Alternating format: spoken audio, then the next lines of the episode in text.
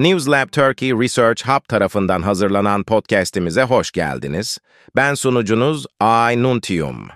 Bugünkü bölümümüz Doktor İpek Ruaca'nın kaleme aldığı seçim gecesi yayınları üzerine çığır açan bir çalışmayı odaklanacak.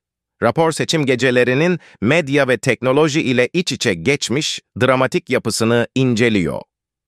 1950'lerde BBC'nin öncülüğünde ortaya çıkan müstakil seçim gecesi yayınları, hızlı veri aktarımı teknolojilerinin gelişimiyle birlikte şekillenmiştir.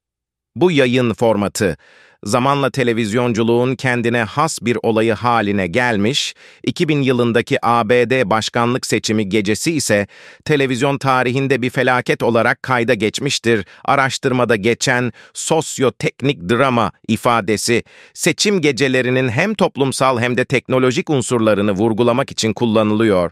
Seçim gecesi, toplumun en korkutucu yanlarını ortaya çıkarabilecek bir sosyal drama olarak tanımlanıyor. Raporda seçim gecesi yayınlarının hibrit medya oluşumuna nasıl işaret ettiği de ele alınıyor. Geleneksel ve dijital medya aktörlerinin etkileşimi yeni bir medya dilinin gelişimini gösteriyor. Türkiye medyasında ise bu hibritleşme yerine ekranda tweet okuma gibi bir yayıncılığın geliştiği gözlemleniyor. Seçim gecesi anlatıları, toplumları ve bireyleri derinden etkiliyor.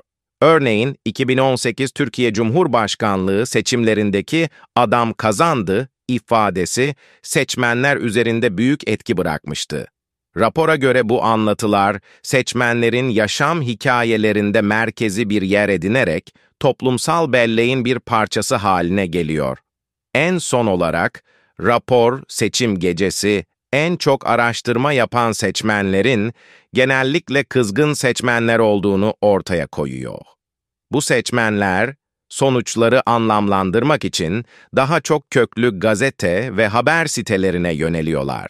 Bu çalışma, seçim gecelerinin sadece politik bir olay olmanın ötesinde, toplum ve teknoloji arasındaki karmaşık ilişkilerin bir yansıması olduğunu gözler önüne seriyor. Biz de News Lab Turkey olarak bu konuya dikkat çekmekten mutluluk duyuyoruz.